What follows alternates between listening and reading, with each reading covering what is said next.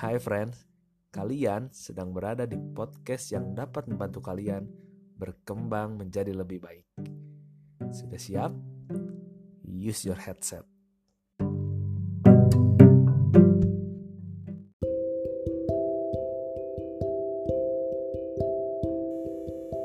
Be yourself. Kemarin teman gue sharing tentang hal ini yang membuat gue dapat pemahaman lain dari quotes Be Yourself ini. Banyak orang mengartikan kalimat ini dengan polos, yaitu bebas melakukan apa saja yang dipikirkan. Tapi ini yang hal baru yang gue dapat. Gue bakal kasih tahu kalian sedikit berbeda.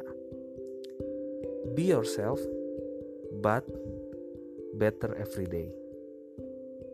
Lakukan apa yang lu mau lakuin, katakan apa yang lu mau katakan, tapi harus lebih baik setiap harinya. Be a better you. Kita emang harus 100% menjadi diri kita sendiri.